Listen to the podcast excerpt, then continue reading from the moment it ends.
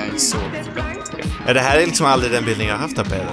Jag visste att han var liksom funky, men inte att han kanske var mycket att han umgicks med funky vänner. Inte att han själv Ja, liksom... ja, men det är lite det jag har sett. Varför gör han inte den här showen fortfarande kan man undra. Ja, Jag tänker mig att han är den som göder galenskap liksom.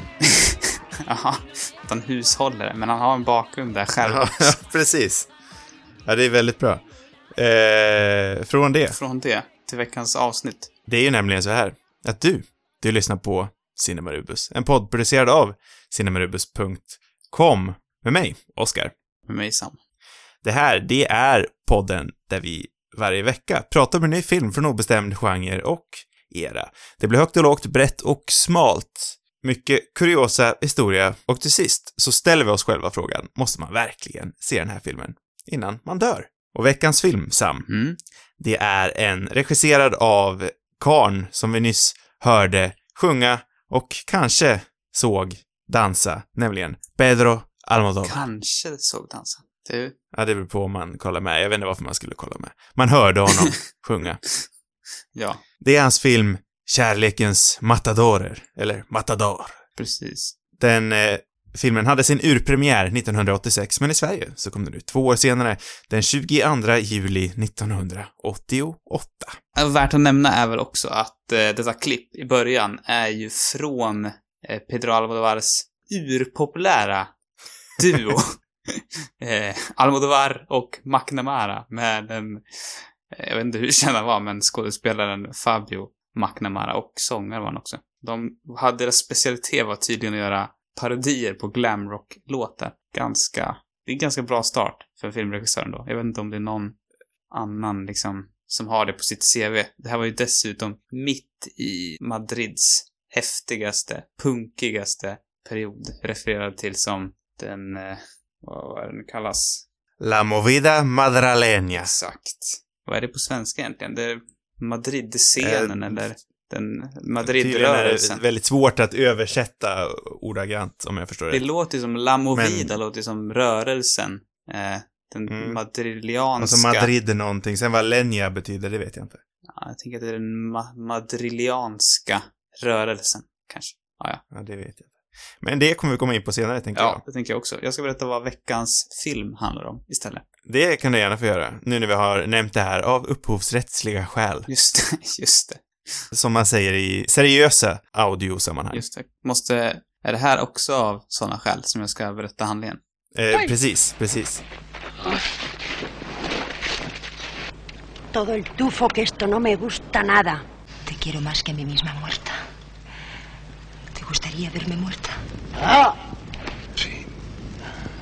Y que tú me veas muerto a mí.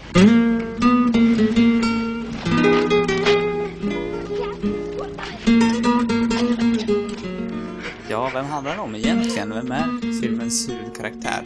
Jag vet inte. Ja, det är Oklart. ju inte Helt. Antonio, som man skulle kunna tro. Men det är det man tänker till en början, tycker jag ändå. För Ja. vi får följa den unge Antonio Banderas i, inte hans debutfilm, den, den var några år tidigare.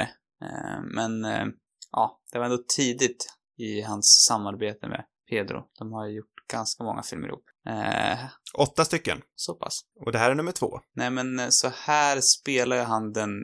Det känns som att han går runt i mjukisbyxor i hela filmen, men jag vet inte om han gör det. Han ser lite, Det tror jag ser inte. lite sjuk ut. han går ju på någon sorts eh, skola för eh, tjurfäktare hos eh, den åldrade Diego, spelad av Nacho Martinez.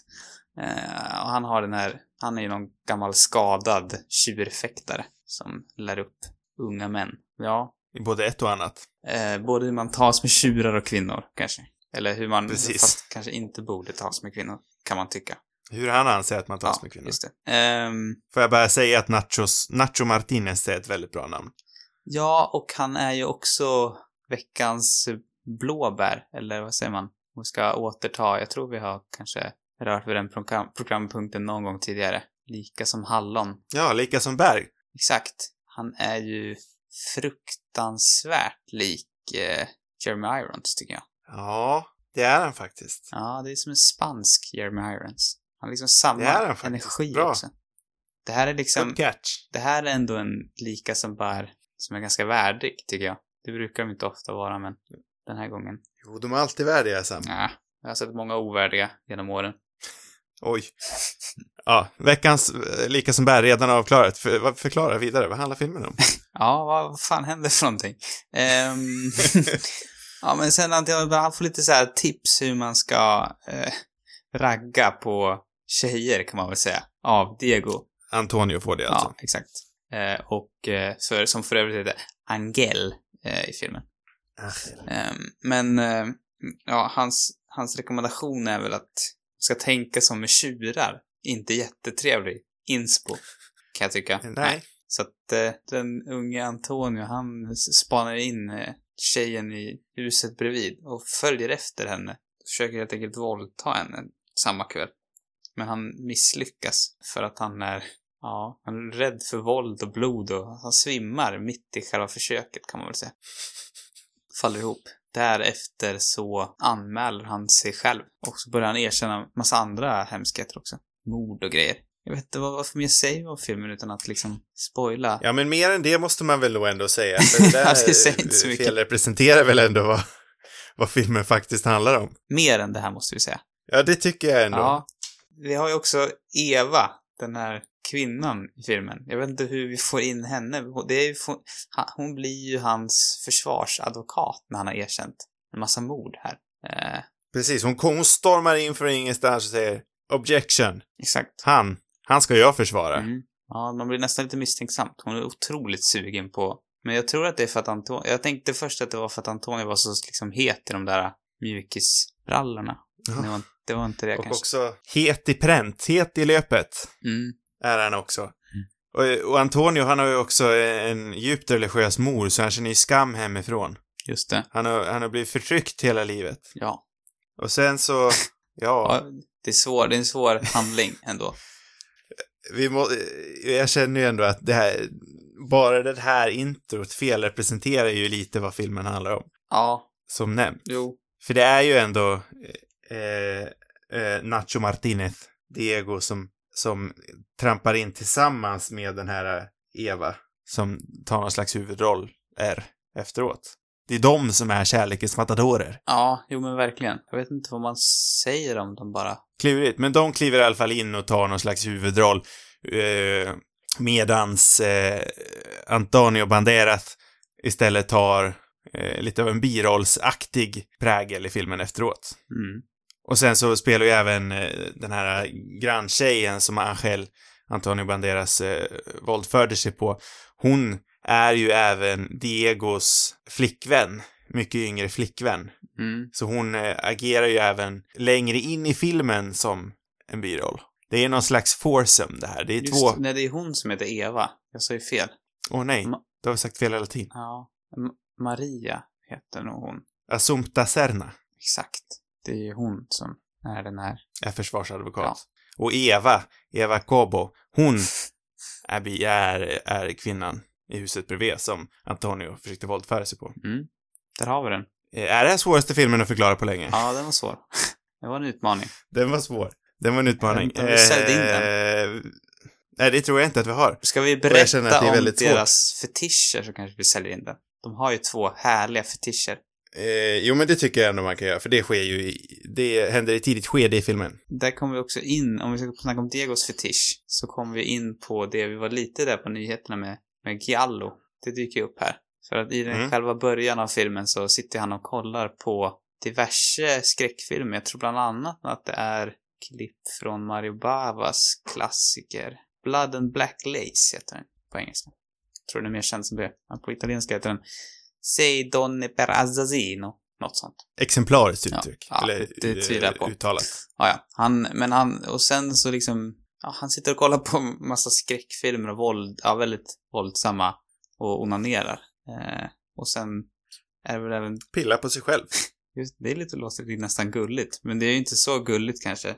Han verkar, han går igång på på döda kvinnor, typ. Mm. Inte jättegulligt. Även den andra matadoren då, titulära matadoren, som är spelad av eh, Assumpta Serna Maria, Mm.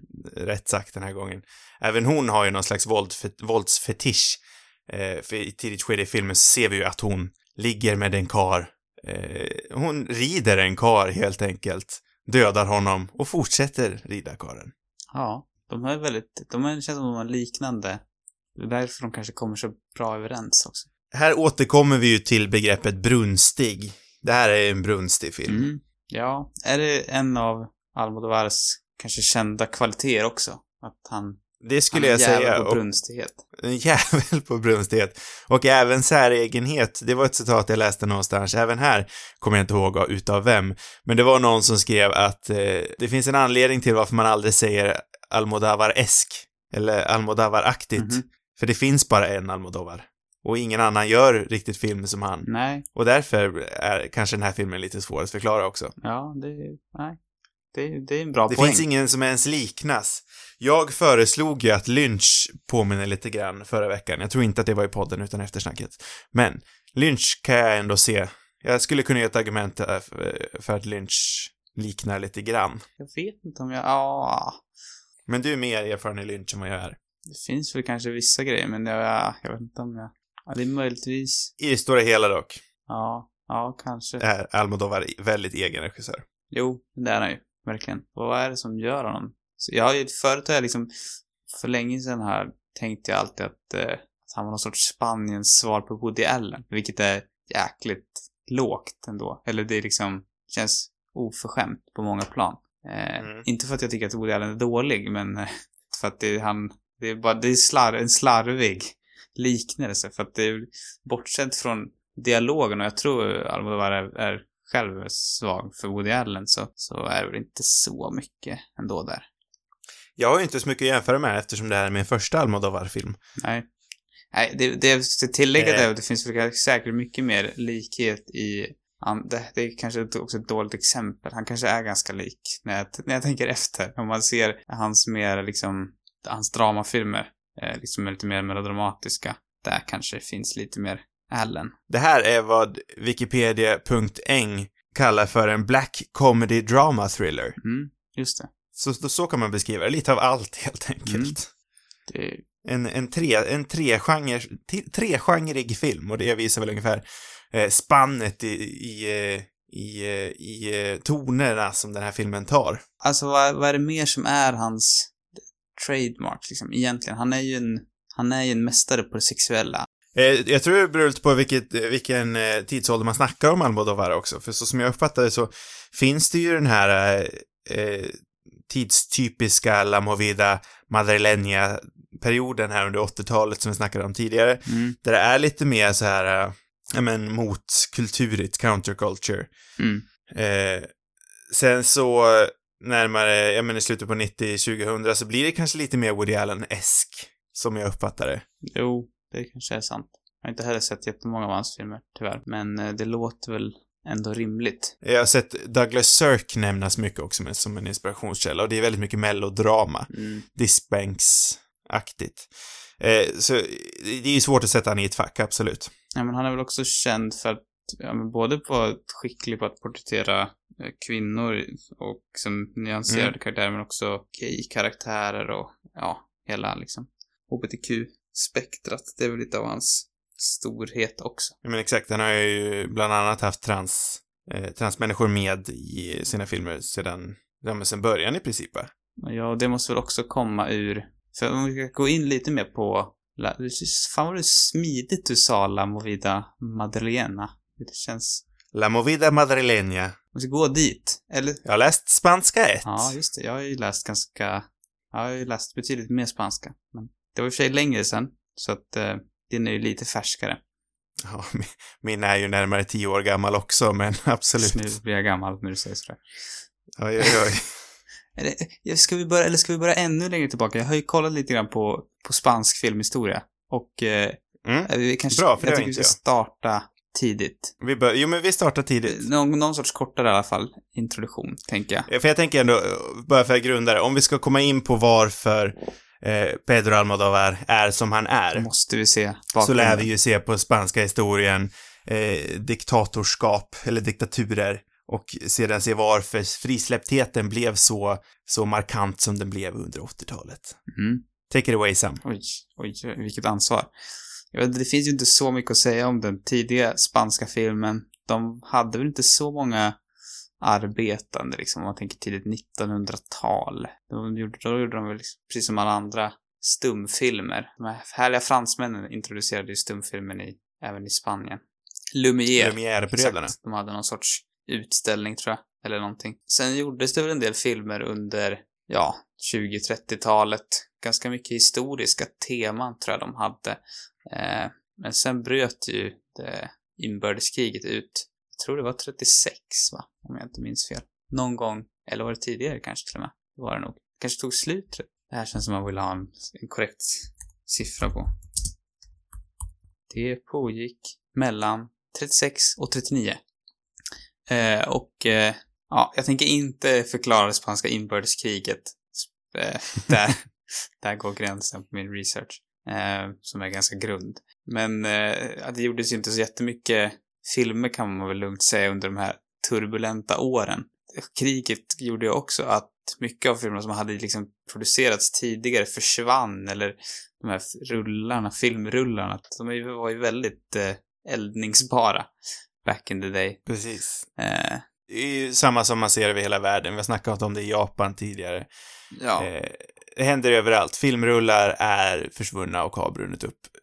Lite överallt. överallt. exakt. Jag tror de använder dem liksom, eh, ja, de använder materialet under kriget också. Säkert för att Mm. elda upp saker. Lite som man kan se i Inglourious Basterds där, om man har sett den. Mm. Ehm, så att mycket av den där gamla, de gamla spanska filmerna är svåra att hitta, eller det är så här oklara releaser på dem, för de har liksom lyckats skrapa ihop det kanske i efterhand eller någonting. De hade också svårt med övergången från stumfilm, för att de verkade ha gått liksom ganska hårt från stumfilm till att göra ljudfilm, men det var ingen som var vidare bra på det. Så de, hade, de gjorde nästan inga filmer efter. Och det här var väl, antar jag, efter inbördeskriget. Sen är jag väl inte så liksom påläst på 50-60-talsfilmen. Vi, vi får ju absolut inte glömma eh, Buñuel, som är väl kanske den mest, Nej, exakt. Där har vi ju ett, ett viktigt namn. namn. Som, ändå. och som också har inspirerat eh, Pedro väldigt mycket. Eh, och han, när var han gjorde sin första film? Var det redan på 30-talet kanske? Nej, det låter Jag vill säga 20, men det är kanske, då tar jag kanske i rejält. Jag tror, jag tror för att jag har någon siffra av 1930.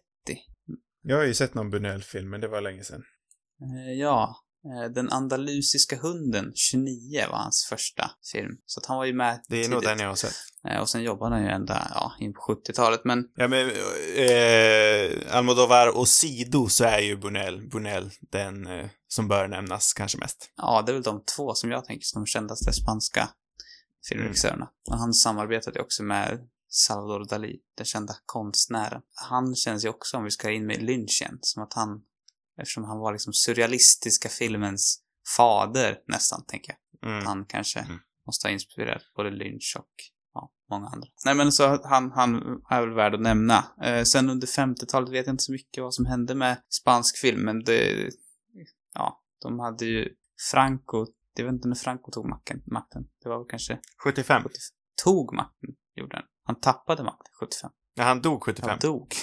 Jag, jag menar när han tog makten. Jaha, när han tog makten. Förlåt, jag tyckte så när han dog. Den spanske kände diktatorn som begränsade filmindustrin ganska mycket, kan jag tänka mig. Ja, Han var ju aktiv redan från 39 faktiskt. Det var ju han som tog över där efter eh, inbördeskriget. Eh, Han höll i i många år. ja. Ehm, om man ska säga innan vi liksom når den här, dit vi ska komma till den här Madrid-scenen eller vad vi nu kallar det. Ehm, så, så är det väl de här, att det gjordes en del Hollywoodfilmer i Spanien också. De här eh, klassiska spaghetti-western-filmerna som man tycker kanske borde ha spelats in i Italien, vilket de också, också gjorde till viss del. De, gjorde, de filmades också mycket i Spanien. Typ alla de här klassiska Clintan-filmerna är ju inspelade i, Spanien. Ja, det har vi snackat om för några år sedan när vi såg på För en handfull med dollar, va? Ja, exakt. Även, eh, vad heter den? En av dina gamla favoriter. Eh, den här storslagna Hollywoodfilmen. Mycket sand och grejer. du vet. Lawrence of Arabia, är det Ja. jag tänker på? Eh, Absolut inte hela den filmen, men eh, det finns vissa scener som är inspelade i Spanien också. Jaha, det visste inte jag. Jag tror också typ Ava Gardner, den klassiska skådespelerskan, bodde i, i Spanien under en period. Så att de, de hade den där perioden där under 60, 70, ja, mest kanske 60-talet, där de var på något sätt framförallt kända som hemmet till, jag vet inte många av dem där, liksom typ westernfilmerna och, och så vidare. Den som vill veta mer om den här tiden kan ju även se eh, hundraåringen som gick ut genom fönstret försvann för att se en historiskt akkurat version Just av vad som det. hände. Ja, det är väldigt oväntat i den filmen ändå. Ja, eller är det uppföljaren, eller är det ettan? Nej, det är ettan va? Ja, jag, jag tror inte att jag har sett uppföljaren, vad jag vet. Nej, då är det ettan. Ja, nej, det är konstigt. Han hamnar väl där mitt i inbördeskriget. Nej, men sen, sen dog ju gubbjäveln, eh, Franco, som liksom hade förstört alla filmskapare. Värt att nämna är väl också att, att Buñuel till exempel, han drog ju mycket till Frankrike och gjorde sina filmer för att komma undan censuren och kunna göra lite mer kontroversiella filmer. Och, Där filmen under 60-talet var liksom märkbart öppen och fri. ja men precis. Eh, och eh, så sen när Franco föll och, ja, Trilla av pinn. Precis. Då, då dök ju den här motkulturen upp i huvudsakligen Madrid. Eh, som var någon sorts punk, punkperiod nästan, eller liksom punkigt på alla möjliga vis. Det var liksom sexuella frisläpphet, eh, Droger och... ja, och kultur i alla dess former. Och det var där som Almodovar dök upp som en av de då viktiga delarna. Han hade ju både den här glamrocksgruppen då, men framförallt kanske för filmerna han gjorde. Han gjorde väl mest kortfilmer under 70-talet, men, men liksom, ja, han var väldigt stor, eller han var liksom verkligen del av den här rörelsen. Jag tänker det är liksom mycket, mycket läder och spretigt hår och det är... Ja men frisläppt helt enkelt. Det, det finns inga ramar. Det, man, det är lätt att säga punk, men jag, tycker inte riktigt, det är bara punkbegreppet hemma nästan hur min bild av det här. Men det är med att det, det är med att det är liksom punkigt. Förstår du vad jag menar? Alltså, Ja, jo, jag fattar vad du menar. fast de ser ju ut som punkare också, på något vis. Jo, de gör ju det, Spanska. men Eldiga. jag tänker också att det är mycket neon och, och, och liksom lite, lite pop-influenser med. Men det är kanske bara min egen... Det står ju för att det är även så- syntpop eh, var del av Ja, men då så. så att eh, det Och borde jag tänker så. pop och punk är ju väldigt, väldigt extrema motpoler. Eh, så det visar ju liksom bredden lite, det är, det är bara frisläppt i allmänhet. Ja, Det finns inga ramar, det fanns ju till exempel ingen manifest. nej, Som det, om man, som det gör i många andra just det. Rörelser. Det var bara någonting som hände i spår av att, av att en diktatur föll. Mm. Vi får göra vad vi vill, nu, nu gör vi allt vi vill. Jag tänker lite som Berlin, vad Berlin var Ja, sen, senare. exakt. Nej men så det verkar ju vara en, en väldigt härlig plats att vara i. Ja, precis. Och det var ju som sagt även här eh, dagens regissör Pedro Almodovar kom fram. Och det var ju också här en av eh, nutidens, eller är han så stor filmstjärna numera? 00-talets, en av 00-talets största filmstjärnor, Antonio Banderas, kom ju också fram här i, tillsammans med Pedro. Pedro var ju lite före, men Mm. Jag vet inte, han var väl, det känns som att han hade sin peak. Han fick väl det stora internationella genombrottet på 90-talet och sen så, ja, de senaste åren, jag såg ju han i, i Almodovars senaste film, där han spelar, han spelar väl väldigt, den är väldigt självbiografisk, som jag förstått det rätt. Mm. Ehm, ja. eh, det, är för det, är, det är ju väldigt intressant. De har ju, alltså de har ju 40 års karriär ihop. Mm. eh, Pedro och Antonio. Det är därför jag också till viss del, för att återgå till filmen, är lite besviken att, att eh, Antonio Banderas inte har en större roll här. Nej. Men det är, han är ju en minst sagt viktig roll. Han ramar ju liksom in filmen på något vis. Ja, men det gör han ju. Personligen, det är ju tydligt att, att eh, Antonio Banderas är en stjärna redan från början för mig. Eh, Och jag älskar ju den här, eh, det är ju inte ens första akten, men den här introduktionen till världen som kärlekens matadorer befinner sig i. Mm. Ja. Det är ju något, det är ungefär den rollen Antonio Banderas har. Han spelar som sagt den här studenten som för oss till Diegos eh, Matador. Och det här känns ju lite som en helt egen film i början. En film som jag egentligen nästan hade velat sett rakt igenom.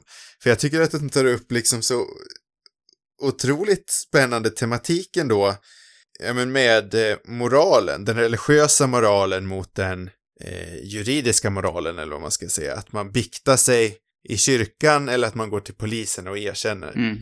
Och eh, att han uppenbarligen har varit väldigt tillbakahållen av sin mor och det resulterar i att han liksom bryter loss sin våldtäkt på gatan, vilket liksom är helt och hållet förkastligt. Mm. Men det är väldigt intressant och att han sen går till polisen och erkänner när hans morsa istället säger att nej men gå bara och bikta dig. Ja. Ja, verkligen. Det där för mig är liksom tusen gånger mer intressant än vart vi kommer sen. Ja, och det är också, det där känns ju också som en del, det är väl kanske det här, det religiösa är också, Almodovars liksom, vad ska man säga, han, är, han var ju själv eh, satt på en eh, religiös internatskola som ung. Så att han Mm. har ju liksom den bakgrunden och han har väl också beskrivit det i flera andra filmer. Han kan ju det där på något vis. Den katolska kyrkan är ju med i, i filmer av en stark anledning och det är ju för att ångesten blir så otroligt laddad inom den delen av eh, den kristna tron. Det är ju väldigt liksom, ja men ångestladdat på något vis. Man ska gå och bikta sig, man ska, man, man, man, man ska ha ångest helt enkelt. Det är många regissörer som kommer, ja, men både Spanien och men också liksom Latinamerika som har, har den, eh, jag tänker på, vad heter han? Eh, Roma, eh, eh, eh, Eh, Alfonso Ja, Cuarón. men exakt. Han har väl också varit mycket där ändå. Det, det, det är liksom en, någonting som är väldigt liksom stor del av kulturen och på ett helt annat det är så sätt. otroligt mycket tabu. Man får, man får ju inte eh, prata om sex knappt. Och sex figurerar ju mycket i Almodovars, Almodovars filmer. Eh, det syns ju mycket även i liksom amerikansk film. Jag tänker Boston, Boston-filmer. Eh, tänker jag mycket på katolska präster, typ Spotlight. Just det. Eh, Ray Donovan, en tv-serie, handlar ju väldigt mycket om det. Och där blir ju också den här intressanta... Eh, det är ju hemskt, uppenbarligen, men det är också väldigt intressant ämne att forska det här med präster som våldför sig på eh, oftast barn. Hemskt nog. Och att det liksom blir någon slags, något slags resultat i att det har tillbakahållits hela livet. Att, det, att sex inte talas om öppet. Nej, nej men precis. Det är ju lite det som hanteras också i början av den här filmen. Och jag tycker det är tusen gånger mer intressant än det vi kommer in i sen. Även fast jag, eh, jag är inte helt liksom hänförd av den här filmen som helhet. Men jag är aldrig less på den. Jag tycker den är väldigt intressant. Och jag vill se mycket, mycket mer Almodovar. Mm. Men jag känner att jag saknar lite av en, eh, jag menar av ett tydligt perspektiv. Och Ju längre det- in i filmen vi kommer. Ja, men att den just skiftar till eh, två karaktärer som inte kanske är de mest eh, sympatiska heller. Ehm, Sen behöver inte det betyda att det är dåligt, men eh, jag känner att jag tappar någonting. Mm. Nej, men jag, ja, jag förstår vad du menar. Det, jag tycker det är en skillnad också. Jag vet inte, i amerikanska filmer med, med liksom, om man tänker, om man bara för att återgå till det katolska. Det, jag vet Mm. inte, i, det är någonting, ja, det är något roligare i de, i de spanska eller i typ Cuarón, att det, jag vet inte, ett ännu större, att det handlar kanske mer om så här, det här återhållsamma till det här frisläppta. Jag tänker i amerikanska filmer är det väldigt mycket att det är någon sån här maffiasnubbe som går och biktar sig typ och så är det inte så mycket mer med det. De är liksom sällan lika kontroversiella som, vad heter Cuarons, liksom en av hans tidiga. Den är väl väldigt kontroversiell ändå. Ehm, och också, Nej, jag vet inte vilken du pratar om. den, vad heter den? Tom, Toma, det var den jag hade velat valt den här veckan. Någonting, Utom Mamma Tambien. ja exakt. Tror jag är ganska kontroversiell Ja, film. jag visste inte att den här, jag har inte sett den, men jag visste inte att den handlar om katol, katols, katolism. Nej, jag vet inte, men jag, jag vet Katolism. inte. Jag, jag, har fått för mig att den är liksom på lite liknande teman. Ehm, Mm. Ja. Lite på ett annat sätt kanske än i amerikansk film. Lite mer på riktigt på något vis. Mm. Ehm, ja, nej men om man ska gå till, återgå till filmen. Ehm, det är lite som två, det hade kunnat varit, det är nästan som två olika filmer på något vis. Jag gillar ändå den här liksom mer thriller eh, variant, eller vad man ska säga, sidan av filmen också. Det är ju på saftiga karaktärer ändå. Båda Diego och eh, Maria. De är ju intressanta att Ja. följa. Eh, jag var inte helt, heller helt säker på att Maria var kvinnan i början av filmen. Först, jag fattade typ inte riktigt det. Nej, hon ser ju väldigt annorlunda ut. Så att, eh, ja, jag vet inte, det fanns ändå en viss spänning tyckte jag, för de två karaktärerna liksom integrera med varandra och, eh, så att jag, jag gillade För ändå det, även fast jag kan hålla med om att det är lite synd att, eh, att eh, Banderas försvinner bort liksom, eller hamnar lite i, i skymundan sen. För att dra en någorlunda relevant eh, eh, liknelse till eh, någonting som säkert många fler har sett, så påminner ju den här handlingen kanske lite om Dexters senare säsonger. Eh, där man liksom följer två, ja men två mördare kan vi ändå säga, som faller för varandra. Mhm. Ja, det säger inte mig någonting. Men förhoppningsvis Nej, någon nej, eh, det, det, det är ju intressant. Alltså det är ett intressant ämne. Och det är ju därför, alltså som sagt, filmen håller mitt intresse hela tiden. Det är väldigt spännande, men jag saknar Antonio Banderas. Och kanske har det att göra med att jag gillar Antonio Banderas väldigt mycket. Mm. Jag kan sakna att det blir, det, som filmens mysterie på något sätt eh, blir väl kanske lite för uppenbart också. Eller det är väl ganska tydligt att, att Banderas tar på sig en massa saker han inte har gjort, liksom. Men eh, det här Ja. sökandet efter Jo, san- absolut. sanningen tycker jag hade kunnat varit lite mera eh, trevande kanske. Eller att det hade blivit... Äh, nej, för jag tolkade det inte ens som att det skulle vara ett mysterium. Nej, nej men det, nej, det, det är det nog inte heller liksom, kanske tänkt som. Men, men du pekar ju ut någonting där, för det, det är nog också där jag tycker att den fallerar lite grann. För jag, jag tycker den stapplar runt lite som en huvudlös kyckling. Oj, en, det är en grov Antonio Banderas är huvudet. Vi hugger av Antonio Banderas och då stapplar den bara omkring där och fladdrar med vingarna. Det är spännande att se på, absolut. Men det är lite mållöst. Och till slut så faller den bara pladask. Som ett dött lik. Oj. Jävlar, det där var en bra liknelse. Oj, oj, Tror du menar att jag ska säga det? oj. oj. Kanske. Om... Nej, det var jag stolt över. Mm. Ja, det var snyggt. Tack. Eh, tror jag. Fast jag tycker inte så dramatiskt som att den faller pladask död. Det tycker jag inte, för den, den, den eh, Segnar ner. höjs ändå lite på slutet. Jaha, den höjs. Okej. Den får en sista dödsryckning. Ja, där har du det. Men, Sista döds, dödsspasmer får den. ja, nej men nej, det är väl kanske inte tänkt så mycket som ett mysterie. Det är väl ganska tydligt ändå. Eh, men jag hade gärna sett det spelas lite mer som ett mysterium. Jag vet inte om det är helt så här, Mm. mer än att det ska, allt ska vara uppenbart heller. Det är lite oklart. Eh, men det är väl inte tänkt att vara, ja, något supermysterie, liksom. Nej, nej, det är det jag inte riktigt tror heller. Nej. Eh, Men det finns ju, de ingredienserna finns också ju där ändå. För att det hade kunnat vara det. För att, ja, det finns ju ändå något sånt. Eh, ja, man, man tappar ju drivkraften lite grann, rent berättarmässigt. Eh, för deras romans tycker jag inte riktigt är stark nog heller. Sen har ju det kanske också att göra med att, med att eh, vi nu, hur många år efter är det här? 40 år efter, nästan 30 någonting år efter, eh, är mer vana med det här. Att vi följer ett eh, romanserande mördarpar. Det har vi sett. Det är inte lika kontroversiellt numera. Fast de Så kanske ändå, tappas- De är ändå mer, Lite kantigheten. jag tycker, jag vet inte om jag håller med om det. Alltså, visst har man sett det, men inte alls på det här sättet tidigare tycker jag. Eh, och eh, den här filmen är väl fortfarande ganska, jag tror den skulle upplevas som ganska kontroversiell även om den kom idag. Eh, Jo, men det är den. Eh, jag tänker då särskilt den här eh, våldtäktsscenen i början med Antonio Banderas. Det är ju en jäkla känslig balansgång där mellan humor och allvar. Och jag vet inte om det kommer landa hos alla. nej, och jag tycker Eh, båda de Det är ingen scen man skrattar högt i direkt, men alltså det är, det är ju en konstig situation, så det blir ju någonstans liksom surrealistiskt småkomiskt på något vis. Jo, ja men det blir det ju verkligen. Jag tycker, jag tycker Almodovar hanterar det väldigt eh, snyggt ändå. Ja. Ehm, För han, han är ju infantil på något vis, eh, Antonio Banderas. Och han, det är så uppenbart att han bara gör det här för att han har blivit, för att han har blivit uppmuntrad att, eller han tolkar som att han har blivit uppmuntrad att göra det av, av eh, Diego. mm. Ja, en, Eller har han blivit direkt uppmuntrad? jag vet inte. Nej, det har han ju inte. Han har väl fått, Han sa ju bara att man ska hantera kvinnor som man hanterar tjurar. ja, han blev inspirerad bara. kan vi enas om att Antonio Banderas är en riktig superstjärna?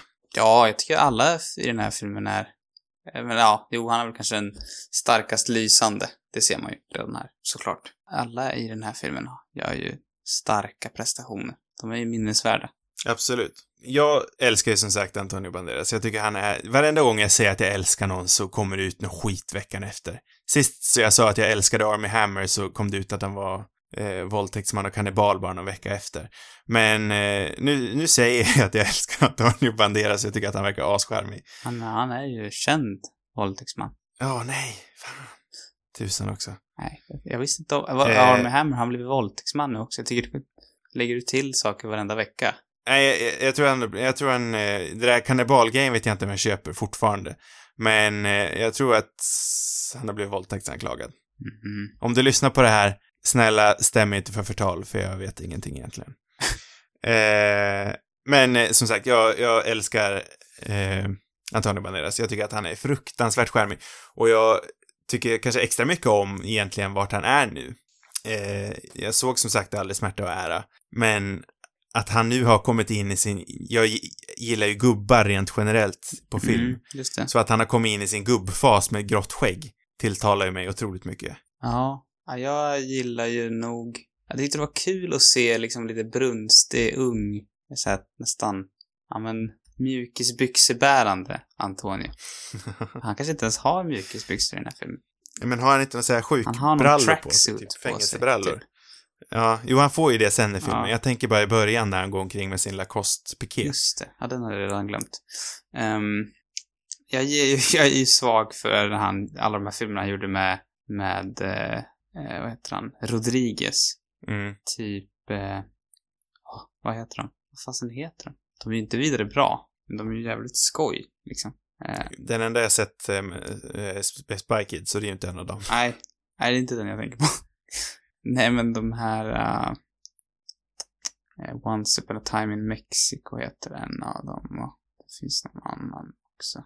Det kanske är den andra. Vad kallas de? El Mar Mariachi-trilogin kanske? Jo, men det låter bekant, så heter det nog. Ehm, Men jag tror alla fattar vad du menar. ja, alla fattar vad jag menar. Banderas, Mm. Salma Hayek och Rodriguez. Riktigt såhär Precis. lökiga, tidigt 2000-talsfilmer. Banderas är Ja. liksom hetare än någonsin, typ. Och han springer liksom runt. Solig, svettig, pangar folk. Eh, och det känns ju också som att det utspelar sig nästan i, i Tarantinos liksom universum. Eftersom han och Robert Rodriguez samarbetade ganska mycket kring den här tiden. Mm. Där, där tycker jag han är i sitt esse. Men vi, vi är alla olika. Jag gillar ju mer heta karar. Du gillar mer gubbar. Så kan det vara. Precis. Jag vill ha en sugar daddy och du vill ha en boytoy. Ja, för jag vet. Lite Eh. lågt att kalla honom för boytoy, typ 2003. Visst. Det beror på hur man ser på det. Ja, han är en ganska gammal boytoy. Det beror på hur man ser på det. Eh, men eh, hans resa till Hollywood, om vi ska gå igenom Antonio Banderas historia lite grann, är också spännande egentligen. Mm. Eh, så här har jag beskrivit Antonio Banderas historia i en mening i, mitt, i min anteckningsbok här.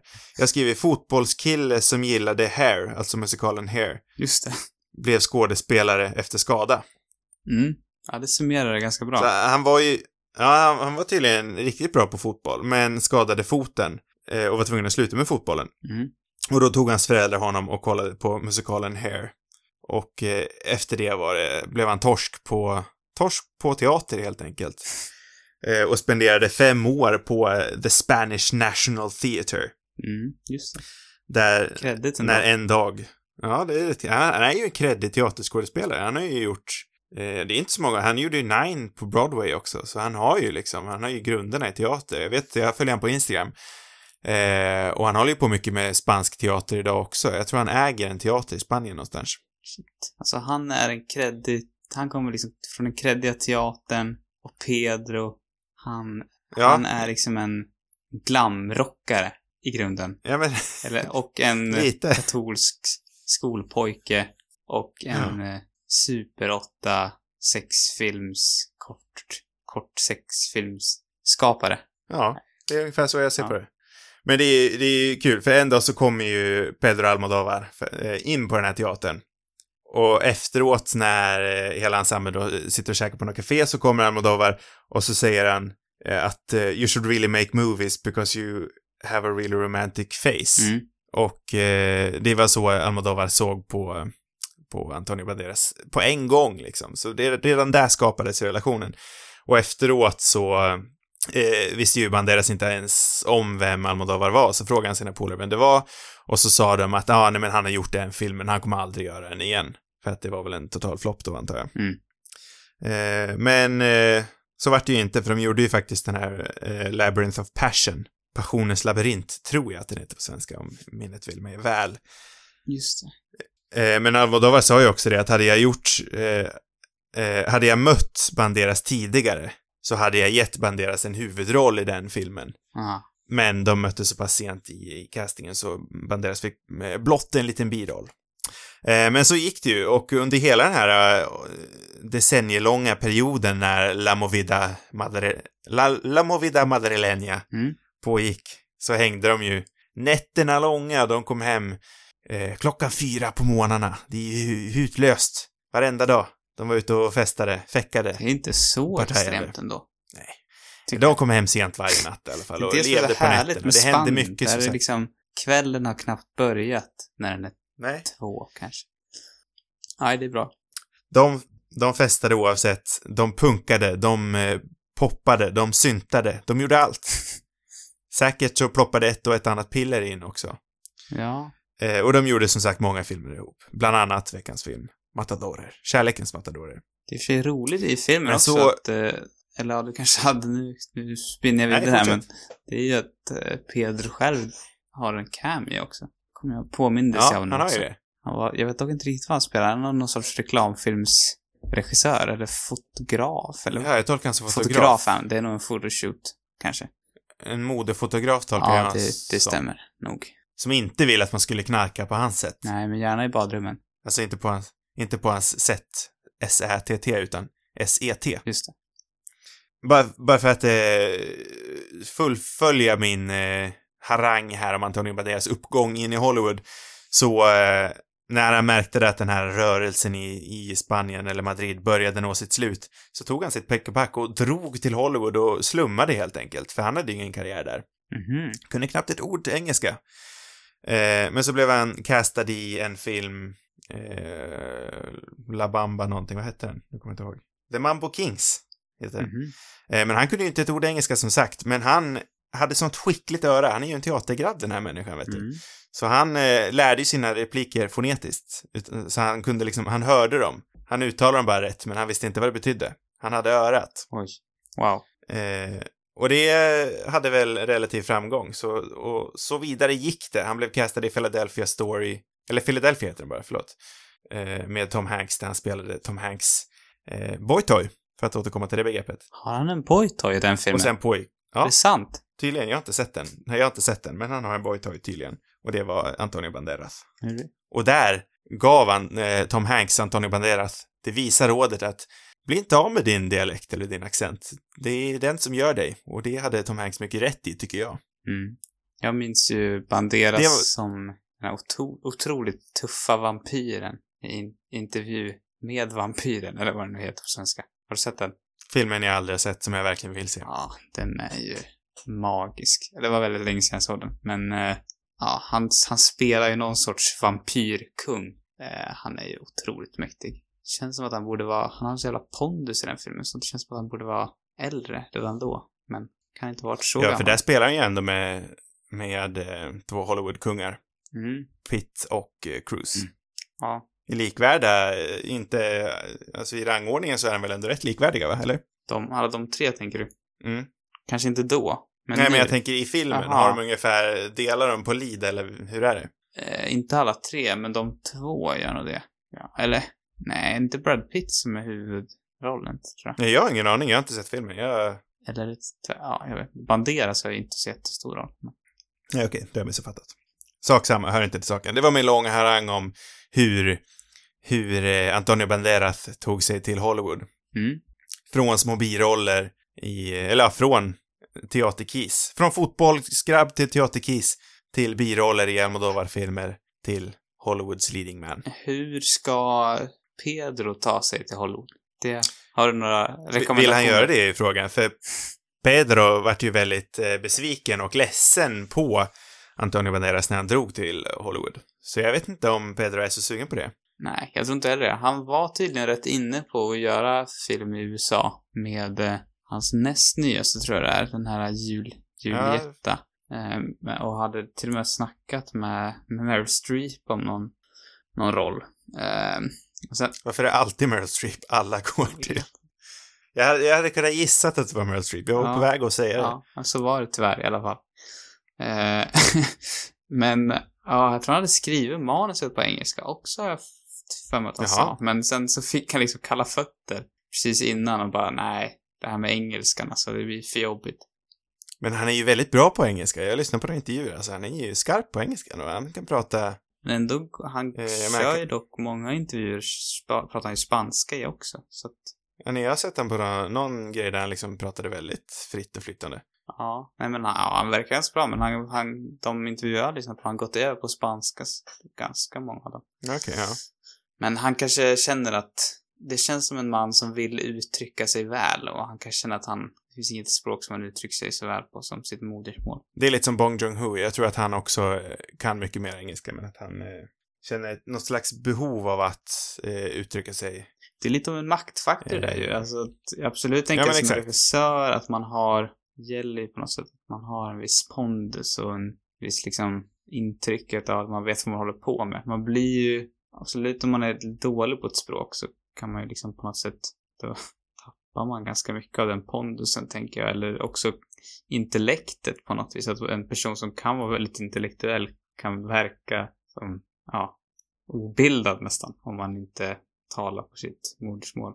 Eh, så känner jag i alla fall.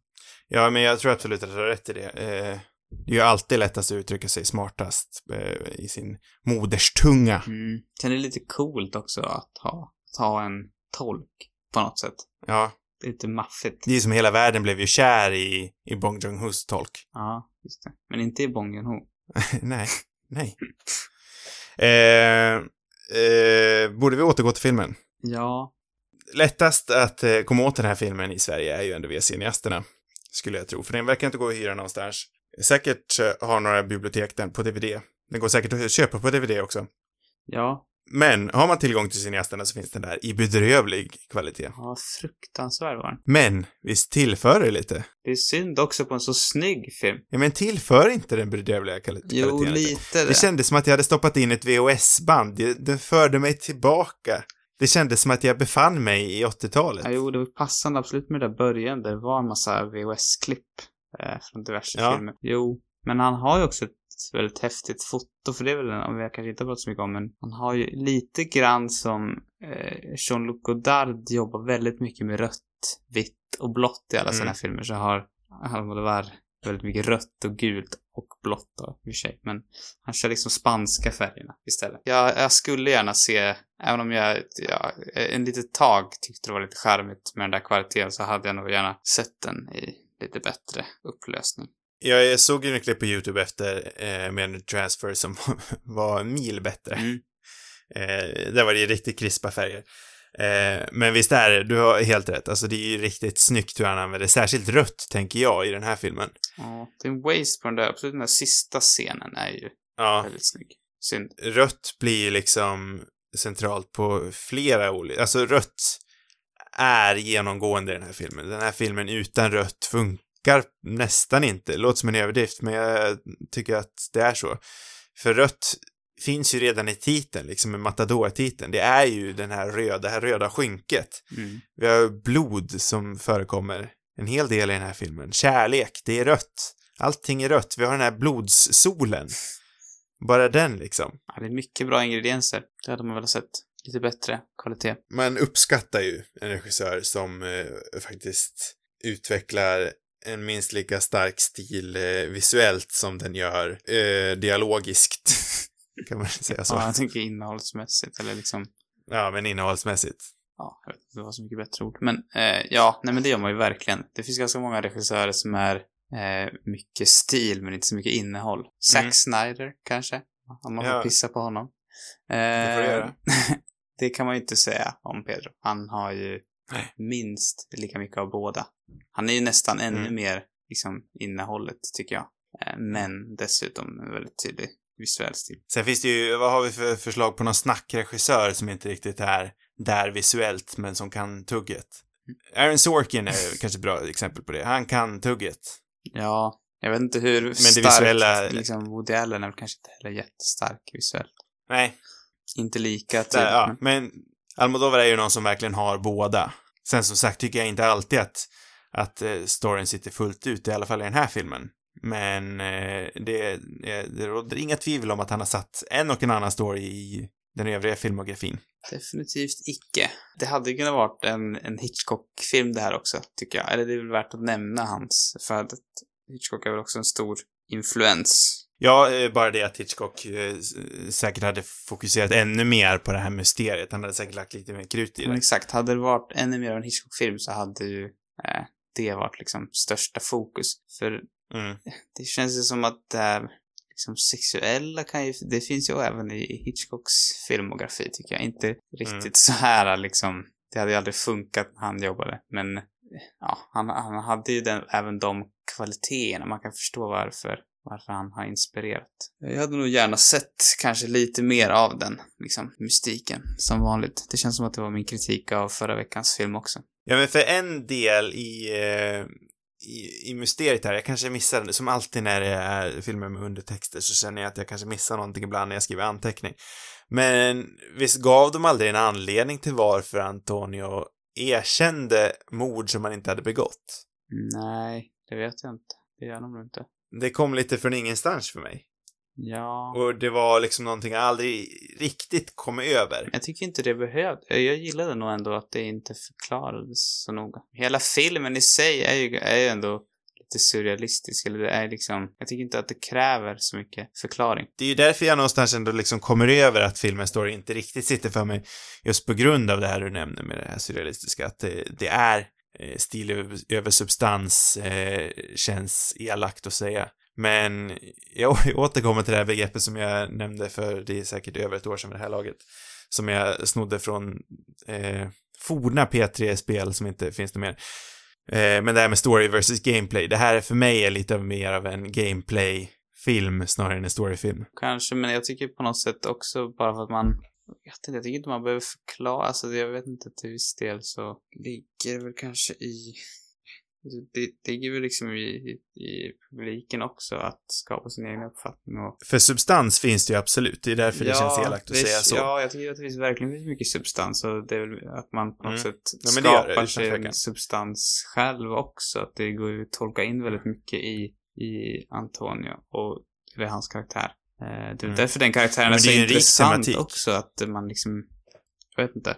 Man sympatiserar ju med honom fast han beter sig inte så trevligt. Ja, det är absolut rik tematik, både från Antonio men också rent liksom med Matador, eh, Matador-delarna i filmen. Hela, hela liksom den här tjur, tjurfäktningsbilder har ju en djupare mening. Ja, Att den här filmen utspelar sig inom tjurfäktningssfären är ju inte utan orsak. nej. Utan det, det, det blir ju djupt tematiskt, eh, bland annat när, när filmen fokuserar på eh, tjurfäktningselevernas eh, nedre paketregioner Mm. eh, och hur de eh, används i förföringen utav eh, önskat kön, bland annat. Just det. Så det, det, det är absolut. Eh, Stil över substans, eh, grovt förenklat. Det är därför jag någonstans verkligen gillar det här eh, gameplay versus story-begreppet. För bara för att det är gameplay-fokuserat så betyder det inte att man inte får in tematik, tycker jag. Men eh, oavsett, det, det är en intressant film den här, men den sitter inte 100% för mig. Jag vet inte heller vart jag landar riktigt. Intressant film. Tråkig kommentar, kanske. Absolut, eh, mycket intressant. P1-avslutning tänker jag att det blir där. Ja, just det. Då kanske man borde komma med något mer liksom raffinerat att avsluta med. Men, Nej, int- intressant. mm. Intressant film. Mm. Det låter som att jag är skeptisk mot den då, nästan som att jag är liksom offended eller någonting. Oj, vad Du, spännande. du kan man vågar inte riktigt säga att du inte tyckte om den. Nej, men jag tyckte, jag tyckte ju om den. Jag tror jag gillar den betydligt mer än vad du gör. Ja, ja, ja, ja, ja. Eh, Det gjorde mig. Jag tyckte den var, även om jag hade gillat lite mer mysterier så tyckte jag deras relation var, var ganska fängslande faktiskt. Och eh, jag hade inte så mycket emot att eh, Antonio försvann egentligen. eh, jag tycker inte riktigt att vi behöver gå in i en spoilersektion, men jag kan säga så mycket att jag eh, älskar slutet. Mm, det är ett väldigt stiligt slut. Väldigt stiligt slut. Och som du redan har sagt så tror jag att den här avslutningsbilden med bättre kvalitet hade gjorts eh, mycket mer rättvisa. Ja, definitivt. Sam, måste man se den här filmen innan man dör?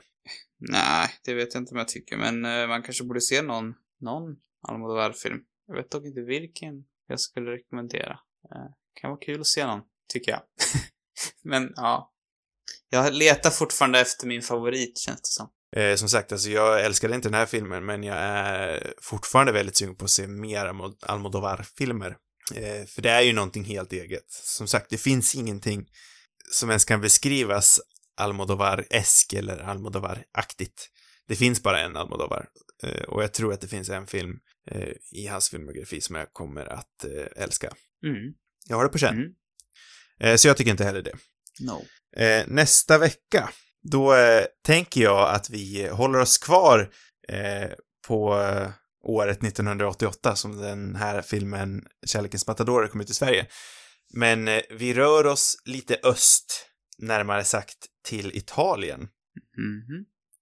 Jag tänker att vi ska se på en film av Giuseppe Tornatore, nämligen Cinema Paradiso. Uff. Att det var ett bra val. Det, den filmen Tack. köpte jag i, kanske i, Flå, i Florens, tror jag. För, för flera, Du är så för flera år sedan köpte jag den. Eh, så tänkte har jag tänkt, den där ska jag se. Och så har jag tänkt det många gånger. Och så har jag inte sett den. Men eh, nu, nu är den redo för att kollas Nu på. är den redo. Det, det här visste inte jag om, men det här blir en perfekt historia till nästa Mm. vecka. Eh, och jag, jag har ju också velat se den här väldigt länge, bara det att jag har ju inte köpt någon jävla DVD i Florens, men Det är en Blu-ray. jag har velat klicka på en knapp i några år. Ja, Den eh, tänker jag i alla fall att vi ska se på till nästa vecka. underbart. Jag har varit mycket på 80-talet på sistone, men det är trevligt där. Mm, det är det sannerligen.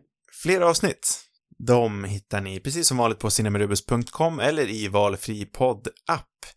Har ni frågor och vill ha svar eller kanske ett förslag, skicka in det till cinemarubus.gmail.com. Sociala medier, det har vi också. Där heter vi cinemarubus på Instagram och Twitter. God natt allihopa. God natt.